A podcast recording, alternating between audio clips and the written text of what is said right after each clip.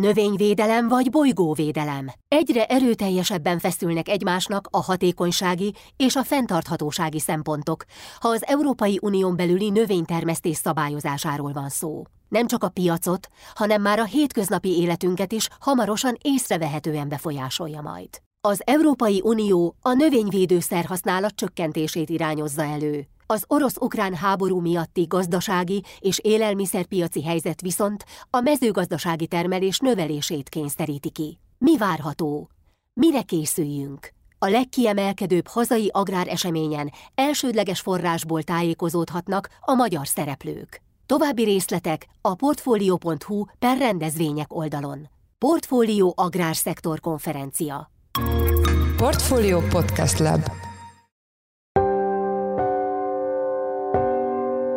Mindenkit üdvözlünk, ez a Portfolio Checklist november 11-én pénteken. A mai műsor első részében a Magyarország ellen indított jogállamisági eljárás miatt egyelőre befagyasztott EU-s forrásokról, a kormány eddigi vállalásairól és az azokra adott EU-s reakciókról lesz szó maga a testületben lehetnek kétkedő hangok, hogy szépek-szépek ezek a vállalások, de hát azért így néhány hét alatt gyökeres fordulatot a jogállamisági keretrendszernek a megerősítésében, és hát egyáltalán a, a hiteles változtatásban azért nehéz elérni. Az EU-s pénzek kifizetésének lehetséges forgatókönyveiről Weinhardt Attilát, a portfólió makroelemzőjét kérdeztük. Az adás második részében a kriptopiac 2022-es évéről és a napokban kirobbant kriptotősde botrány hatásairól kérdezzük Kövessi Károlyt, a portfólió részvényelemzőjét. Én Pitner Gábor vagyok, a Portfólió Podcast Lab szerkesztője, ez pedig a checklist november 11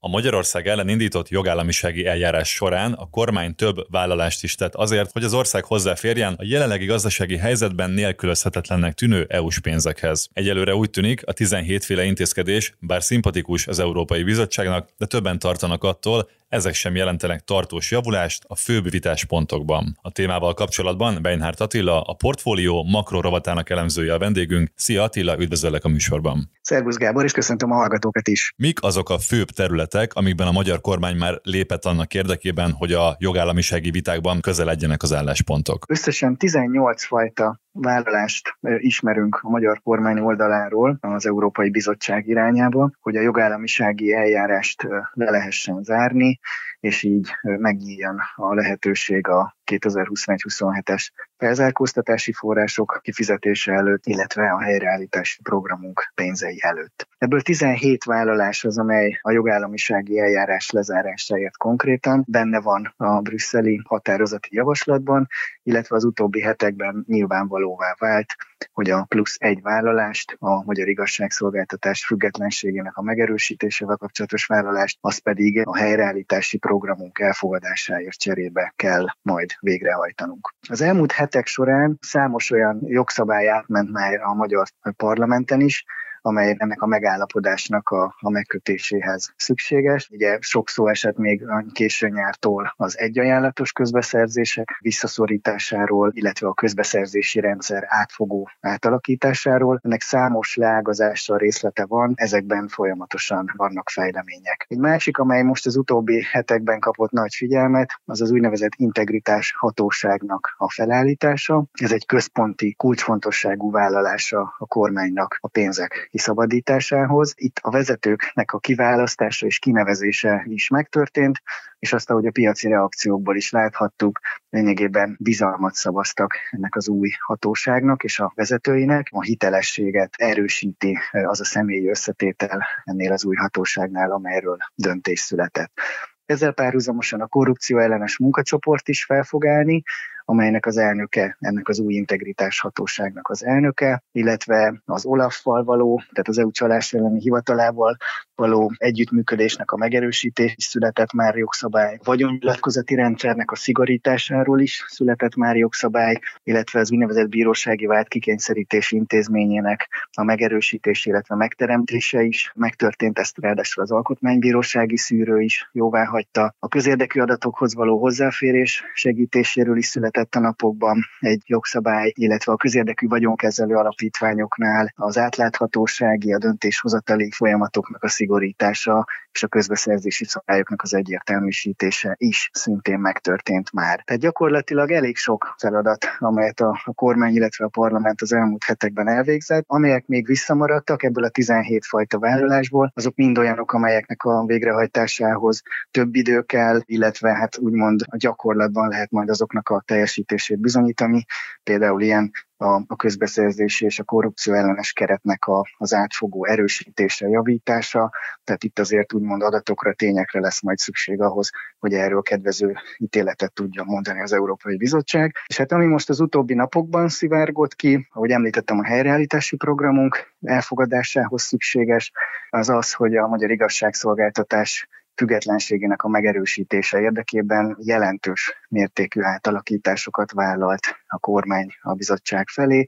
Ennek a gyökere a lényege az a, az országos bírósági tanácsnak a, a megerősítése, a jogköreinek a, az erősítése, amely ugye felügyelő szerve az Országos Bírósági Hivatalnak, elnökének, illetve a kúria elnökének is. Ez egy önálló bírósági szervezet, és ez a függetlenséget tudja erősíteni, amennyiben további jogköröket, kompetenciákat kap a különböző igazságszolgáltatási folyamatok terén. Összességében itt is látszik a kormányzati elköteleződés, és mindezek tükrében itt a napokban érkezett az Európai Bizottság egyik szóvivőjétől egy olyan jelzés, amely összecsomagolva gyakorlatilag azt üzente, hogy igen, az elmúlt hetekben jelentős mértékű előrelépés történt a háttérbeli tárgyalások során a magyar kormány és az Európai Bizottság között, hiszen látják azt, hogy a bevállalt intézkedéseket szépen sorjában itthon azért teljesítik. De a bizottság egy része továbbra is kritikus. A Bundestag kormányzati többsége csütörtökön megszavazott egy határozati javaslatot. Ez mit tartalmazott? Igen, tehát azért az, hogy ez egy pozitív jelzés volt Brüsszelből, ez fontos, bár maga a testületben lehetnek kétkedő hangok, hogy szépek-szépek ezek a vállalások,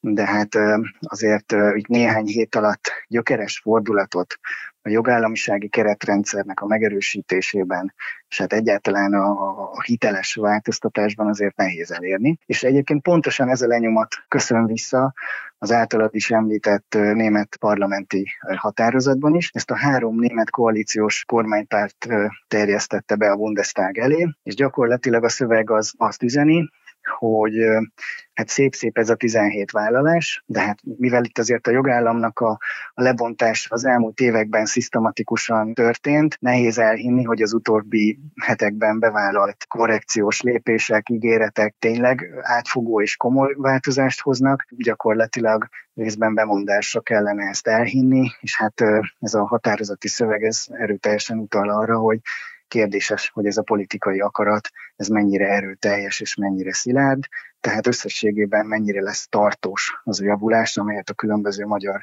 vállalások és azoknak az eddigi teljesítése az el tud érni az uniós pénzfelhasználás terén, illetve hát összességében a jogállami keretek és a jogállami értékeknek a védelme és erősítése terén. Tehát gyakorlatilag ez a, az érvkészlet abba az irányba igyekszik szorítani a német kancellárt, illetve hát a, a, pénzügyminisztert, akinek majd erről döntenie kell az uniós tagállamoknak a, a miniszteri ülésén decemberben, hogy csak akkor engedélyezzék a Magyarország számára az uniós pénzeknek a folyósítását, ha a bizottság kellően és hitelesen alá tudja támasztani azt, hogy miért vált minden hitelessé, és miért javult hirtelen minden meg. És ekkor is a módszertant azt legyenek szívesek bemutatni, hogy ezt milyen módon rakták össze. Tehát gyakorlatilag egy bizalmatlan álláspont, egy óvatosság jön át ebből a tíz oldalas német határozatból, ami azt üzeni, és ez ráadásul az összes nagy tagállam felé is nagyon fontos üzenet meglátásom szerint,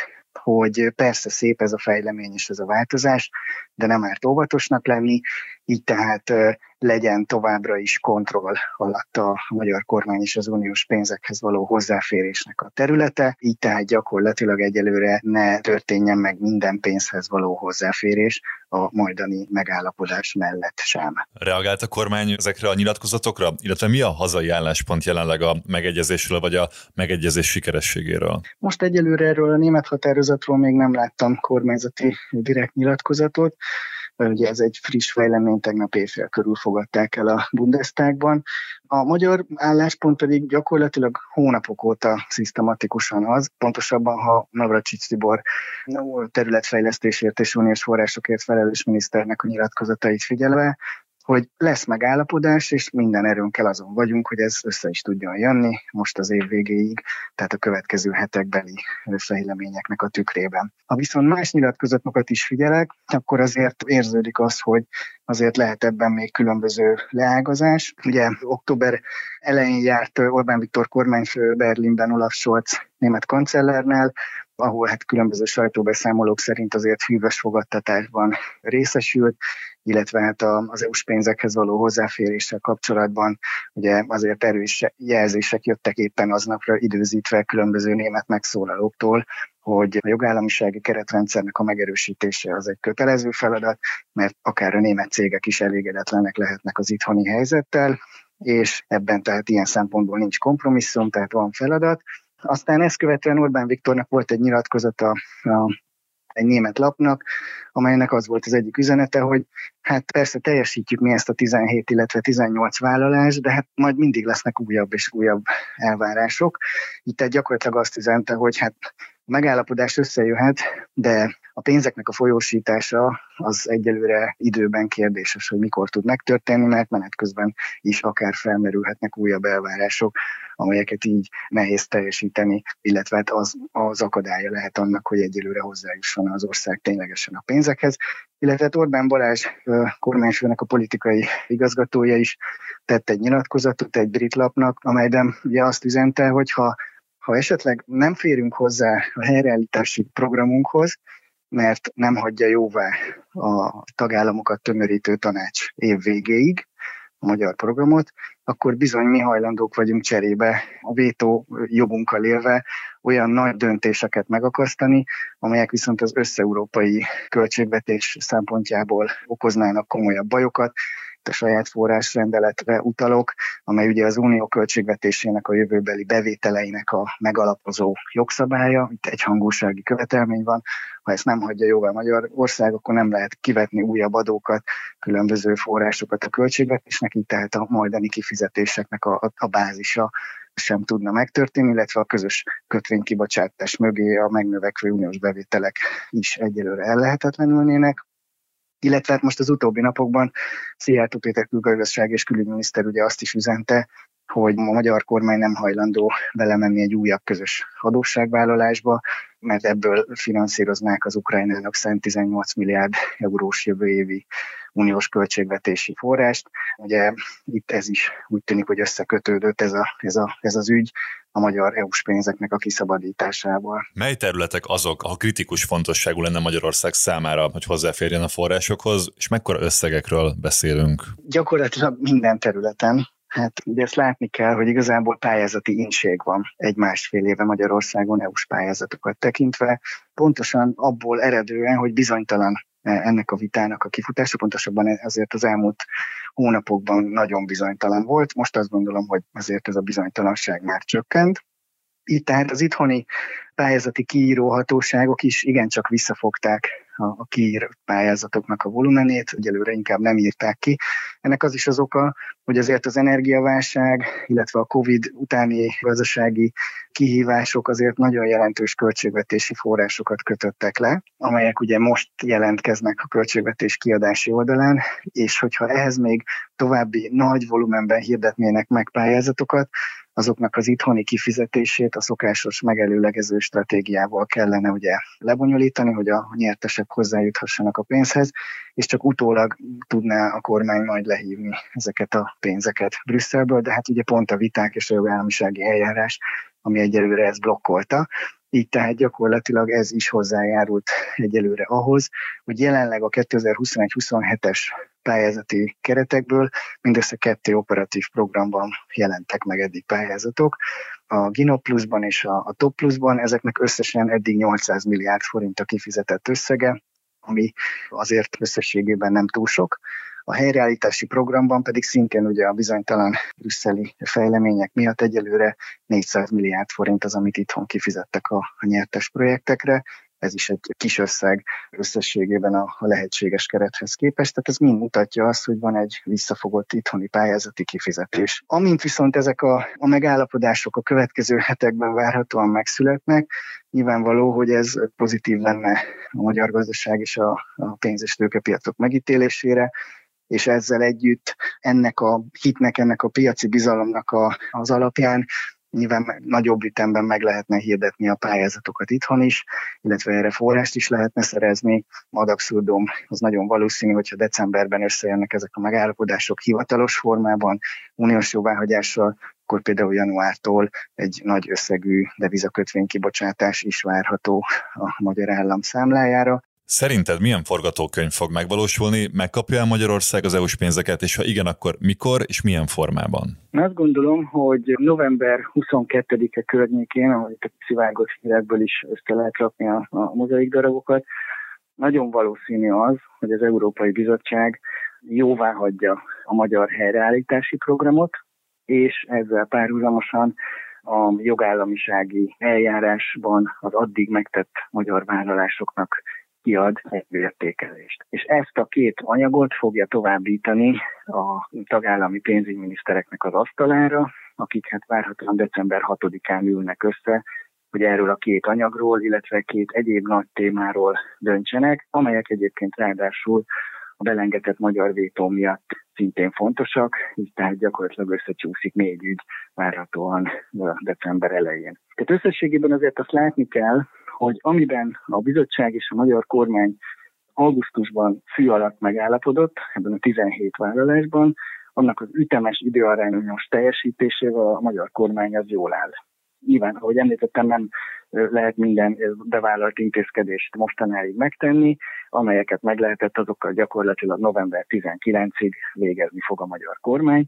Így tehát előáll az a helyzet, hogy a bizottság tud egy értékelést kiadni arról, hogy ezek a vállalások mennyiben javítják a, az uniós pénzosztásnak a hazai gyakorlati és elméleti keretrendszerét, a jogszabályi környezetet is, de arról ugye kevésbé tud majd nyilatkozni, hogy ez a, a gyakorlatban hogy fog megvalósulni, tehát ugye a puding próbálja az evés lesz, ez erre előre nem tud azért mit mondani a bizottság sem. Ráadásul itt azért van egy sok éves kellemetlen tapasztalat, ugye a jogállamiság eljárás megindító levél és az indoklás is részletesen bemutatta, tehát azért ebből nehéz hirtelen egy nagy mértékű bizalmat megteremteni. Ez egy idő, egy folyamat, ameddig idáig eljutunk. Tehát gyakorlatilag valószínűsítem azt, hogy december elejére abban a helyzetbe kerül a, tagállamokat tömörítő tanács, hogy lesz egy elfogadott magyar helyreállítási program a, a bizottság részéről, ezt várhatóan a tanács is jóvá fogja hagyni, egy támogatási lábról beszélek most elsőlegesen, hiszen csak arra nyújtott be egyelőre igényt a, a magyar kormány tudomásom szerint, majd később várhatóan jövőre hozzá fűzi a hitellábnak az igénylését is. Ez azért fontos, hogy a támogatási lábról évvégéig legyen meg a tanácsi határozat, mert ha ez nem születik meg, akkor ennek az 5,8 milliárd eurónyi forrásnak nagyjából a 70-80 százalékát véglegesen elbukja az ország. Tehát itt van egy nagyon komoly időnyomás. És akkor a másik anyag, az pedig a magyar vállalásoknak a, a teljesítése. Itt én azt valószínűsítem, hogy a bizottság vagy csak felsorolja azt, hogy hát ezek is ezek a, a vállalások teljesültek eddig, vagy esetleg valamilyen értékelést is fűz hozzá, és inkább úgymond átdobja a labdát a, a tanácsnak az asztalára, hogy hát ezek tükrében a tagállami szakminiszterek mondjanak valamit, hogy akkor mi legyen annak a három operatív programnak a felfüggesztésével, amelynél a bizottság ugye azt javasolta, hogy tehát a közlekedésfejlesztési, a környezet és energia, a tékonysági, illetve a területfejlesztési programnál 65-65 százalékban függesszék fel a kötelezettségvállalást. Ugye ez egy bonyolult technikai pénzügyi helyzet, hogy most ezt hogy kell értelmezni, hogy három programnál a két harmadát felfüggesztik a forrásoknak. Elviselképzelhető, hogy azzal vágják át ezt a pénzügyi technikai gordiuszi csomót a, a miniszterek, hogy azt mondják, hogy jó, akkor egy operatív programot például átengedünk teljes mértékben, a másik kettőt meg teljes mértékben felfüggesztjük, és akkor így gyakorlatilag több milliárd eurónyi forrásunk egyelőre beragadna, Ugye a bizottsági javaslat az összesen 7,5 milliárd eurónyi, tehát nagyjából 3000 milliárd forintnyi forrásnak a, a felfüggesztésére tett javaslatot, de úgymond szabad keze van a tagállami szakminisztereknek abban, hogy ettől eltérjenek, illetve hogy milyen technikai keretek mentén térjenek el. Ugye ez a teljes felzárkóztatási keretünknek nagyjából az egyharmadát jelenti, illetve a 7 évre szóló összes uniós forrásunknak nagyjából az ötödét, tehát azért ez egy tekintélyes összeg, de ha ezt a akár 7 milliárd eurónyi tételt fel is függesztené a tanács, akkor azért még mindig azt hangsúlyozom, hogy a kétharmadához a felzárkóztatási forrásoknak hozzá tudna férni az ország, és a helyreállítási programról szóló megállapodás alapján ahhoz a támogatáshoz is. Tehát összességében a főüzenet és a fővárakozásom most az, hogy megállapodáshoz várható, valószínű, de hogy pénz mikor lesz, az egyelőre továbbra is nagyon bizonytalan. A legoptimistább verzió az az, hogy a felzárkóztatási forrásoknál azok a programok, amelyeket a, a bizottság majd a következő hetek, hónapok során elfogad, és nincsenek, és nem is lesznek felfüggesztve, azokból szépen elkezdenek jönni majd az előlegek, illetve az utófinanszírozásban le tudunk hívni majd pénzeket a tavaszi hónapoktól kezdve, de azokban a programokban, amelyekben esetleg felfüggesztés lesz, azokból értelemszerűen egyelőre nem tudunk pénzhez jutni, és csak azt követően tudunk, ha a bizottság egy következő pozitívabb értékelés alapján már ezt kimondja, hogy nagy a változás kedvező irányba, és a tagállamok is ezt jóvá hagyják. Tehát egy ilyen ütemes, folyamatos kontroll alatti teljesítésre lehet számítani. Magyar kormánynak három havonta kötelezően be kell majd számolnia mindig arról, hogy mikor mit tett és milyen lépések történtek. Ezek alapján a bizottság kiadja az értékelést.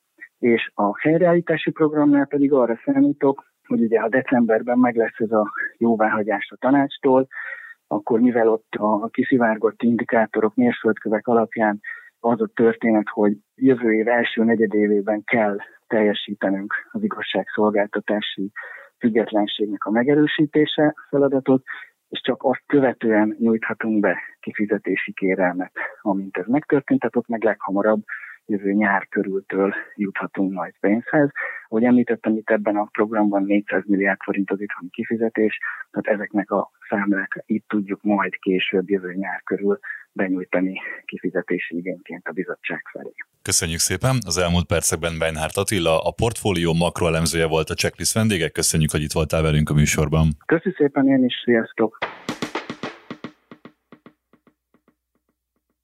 A kriptopiacról szóló következő interjút még azelőtt rögzítettük, hogy az FTX kriptotősde csődöt jelentett volna. A legfrissebb részletek elérhetők a portfólión.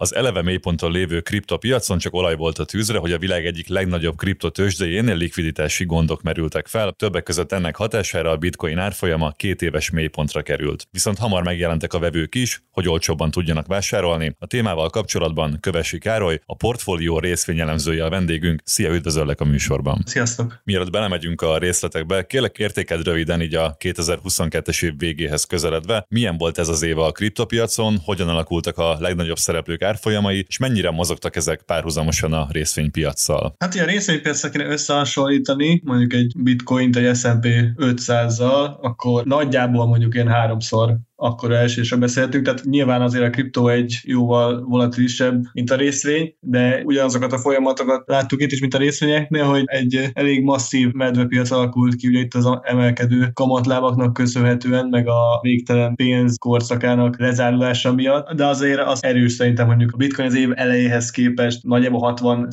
ot esett, a Ethereum kb. 66-ot, és ugye a kisebb coinokhoz lemegyünk az altcoinokhoz, ott azért ennél is nagyobb veszteséget lehet látni ilyen 70-80 százalékos mínuszokat évelejéhez képest. Ugye a kriptotősdének nevezzük azokat az online platformokat, ahol kereskedni lehet a kriptovalutákkal, coinokkal, tokenekkel. Az egyik legnagyobb ilyen tőzsdénél problémák merültek fel, mi történt pontosan, és milyen hatással voltak a történtek a piacra? Nem könnyű összefoglalni, mert rengeteg minden történt az elmúlt napokban. Ugye a szoban forgó tőzsde az az eh, FTX, ami gyakorlatilag leállította most arra a kifizetéseket a likviditási problémák miatt, és nagyjából amit most látunk, az az, hogy az FTX mellett volt egy Alameda Research nevű kereskedési cég, mind a kettő céget ugyanaz az ember alapította, és mondjuk a hagyományos pénzügyekhez képest jóval szorosabb kapcsolatok fűzték össze ezt a két céget. Többek között az FTX által kibocsátott token, az FTT, ami igazából úgy működik, mint a binance a saját tokenje, hogy olcsóbban tudsz kereskedni vele a tőzsdén. Tehát a lényeg az, hogy múlt héten az egyik kriptós portál lehozott egy cikket arról, hogy hogy néz ki az alameda a könyvei, és ebben elég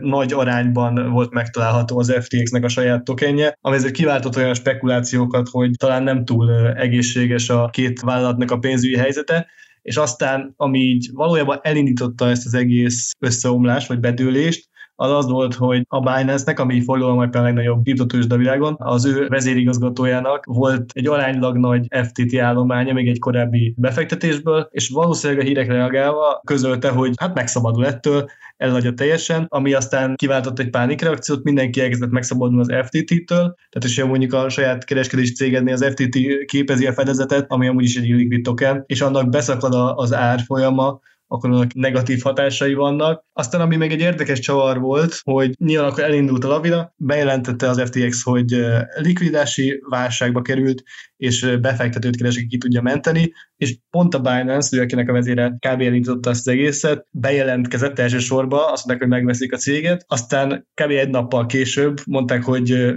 még szerintem át se vizsgálták a, a teljesen a FTX-nek a könyveit, de már bejelentették, hogy olyan problémákat találtak, amiket nem tudnak megoldani, úgyhogy elállnak az üzlettől. Aztán erre még tovább esett gyakorlatilag a piac. Ennek az FTT tokennek, ennek az érték az kb. 80-90 ot zuhant két nap alatt. Ugye a bitcoinnek az árfolyama is nagyjából egy 20 5%-os mínuszban volt a, a hét elejéhez képest, most onnan már azért valamennyire visszahúzták, de ebbe az ilyen 20 ezer körüli kereskedési sárba még azért nem tért vissza. És arról, hogy pontosan milyen kapcsolat volt a két cég között, arról még csak spekulációk vannak, de mondjuk a Wall Street Journalnek egy forrás azt mondta, hogy az FTX az ügyfeleknek a betétjeit azokat igazából kihitelezte a kereskedési cégnek, az Alamédának nagyjából 10 milliárd dollár értékben, és ez akkor igazán beteg szám, hogyha azt nézzük, hogy az FTX-nek Wall Street forrás szerint 16 milliárd dollárnyi felhasználói eszköze volt, tehát több a felét azt így kihitelezték. Egy olyan kereskedési cégnek, amelyik hát igazából egy kripto hedge fund igazából, ami kifejezetten kockázatos kereskedési stratégiát követ. Ez nem az a mód, ahogyan egy tőzsdétől elvárna az ember, hogy bánjon a pénzével, és akkor most vagyunk ott, hogy igazából még, még mindig nincs, aki kimentette volna a céget. Állítólag 8 milliárd dollárnyi pénzkivonási kérelem érkezett, amit nem tudnak teljesíteni, szóval nagy valószínűséggel most akkor a csődejárás következik, és még talán ami a legújabb, hogy ez egy Bahamákon bejegyzett cég, és ott a, a szabályozóhatóság az így befagyasztotta az FTX-nek az eszközeit, úgyhogy az, hogy mi lesz ennek a kimenete, valószínűleg elszámolás, de leginkább az, hogy nagyon sokan rengeteg pénzt elbuknak, akiknek benne ragadt a pénze az FTX-ben. A nagy zuhanások után megérkezett a felmentő sereg, és elkezdődött a bevásárlás a piacon. Ez mennyire tudta stabilizálni stabilizálni a helyzetet, illetve hogyan látod a kriptopiac még mindig vonzó befektetési lehetőség sokak számára, vagy egyre többen kiábrándulnak ebből és csatlakoznak ahhoz a véleményhez, hogy ez egy lufi, ami tulajdonképpen bármikor kidurranhat. A most látott FTX botrány az már ennek egy előszobája lehet? Látni kell, hogy ez azért idén nem az első eset volt, sőt, volt ugye talán még, aki mondjuk követi a piacot, az még biztos, hogy emlékszik a, a Lunának, meg a Terrának az összeomlására, a Celsius botrány, szóval nem telt olyan nagyon sok idő, és ez már nem az első eset volt. Mindenképpen ezek rombolják a befektetői bizalmat, az biztosan állítható. Azzal kapcsolatban, hogy mondjuk kis befektetői érdeklődés mennyi van, lehet nézni ilyen on-chain elemzéseket, tehát az, hogy a, pontosan mi történik a, a láncban. Abban az játszik, hogy inkább azok dominálnak a piacon, akik ezek az úgynevezett hodlerek, tehát akik hosszú távon tartják, és mondjuk ezeken a szinteken bevásárolnak, de azért a kisebb szereplők azok kevésbé vannak jelen, mint mondjuk a 21-es Bika piac során, ami pedig a mostani árfolyam mozgást illeti, az elmúlt nem tudom, 3-4 hónapban azért volt egy oldalazó mozgás így 20 ezer dollár környékén, ebből a kereskedéssából kiesett tegnap a bitcoin, most nagyjából úgy 17 ezer, 18 ezer dollár környékén van az árfolyam, de azt azért a karakterisztikájához hozzátartozik az egész kriptónak, hogy ezek nem kívül esetek, hogy ekkora zuhanások vannak, meg, meg ekkora mozgások vannak benne. Sok esetben még mindig ilyen vagy nyugati stílusú piac. A mostani árfolyam jó beszálló lehet, mondjuk a bitcoinnál vagy az Ethereumnál a nagyobb szereplőknél, ugye említetted, hogy éves szinten 60-70 százalékos zuhanás volt, az elmúlt időszakban is 20 százalék, vagy van még lejjebb is a, a kriptónak, hogy látod ezt? Technikai szempontból semmiképp sem jó az, hogy kiesett ebből a kereskedési sávból, amiben az elmúlt hónapokban mozgott az árfolyam. Ilyenkor azért inkább lefele várná az ember. Amilyen célárakat most az elmúlt napokban láttam így az zuhanás alatt, az ilyen 13 ezer, 15 ezer dollár, tehát ezek alapján még azért lehet lejjebb. De azt azért hozzá kell tenni, hogy ez továbbra is egy extrém volatilis piac, meg hogyha most megnézzük az FTX-nek a példáját, bőven vannak benne kockázatok. Mindenképp csak azoknak tudnám ajánlani, akiknek kifejezetten magas a, a kockázatvállalási hajlandósága. Köszönjük szépen! Az elmúlt percekben Kövesi Károly, a portfólió részfényelemzője volt a vendégünk. Köszönjük, hogy itt voltál velünk a műsorban. Én is köszönöm, sziasztok!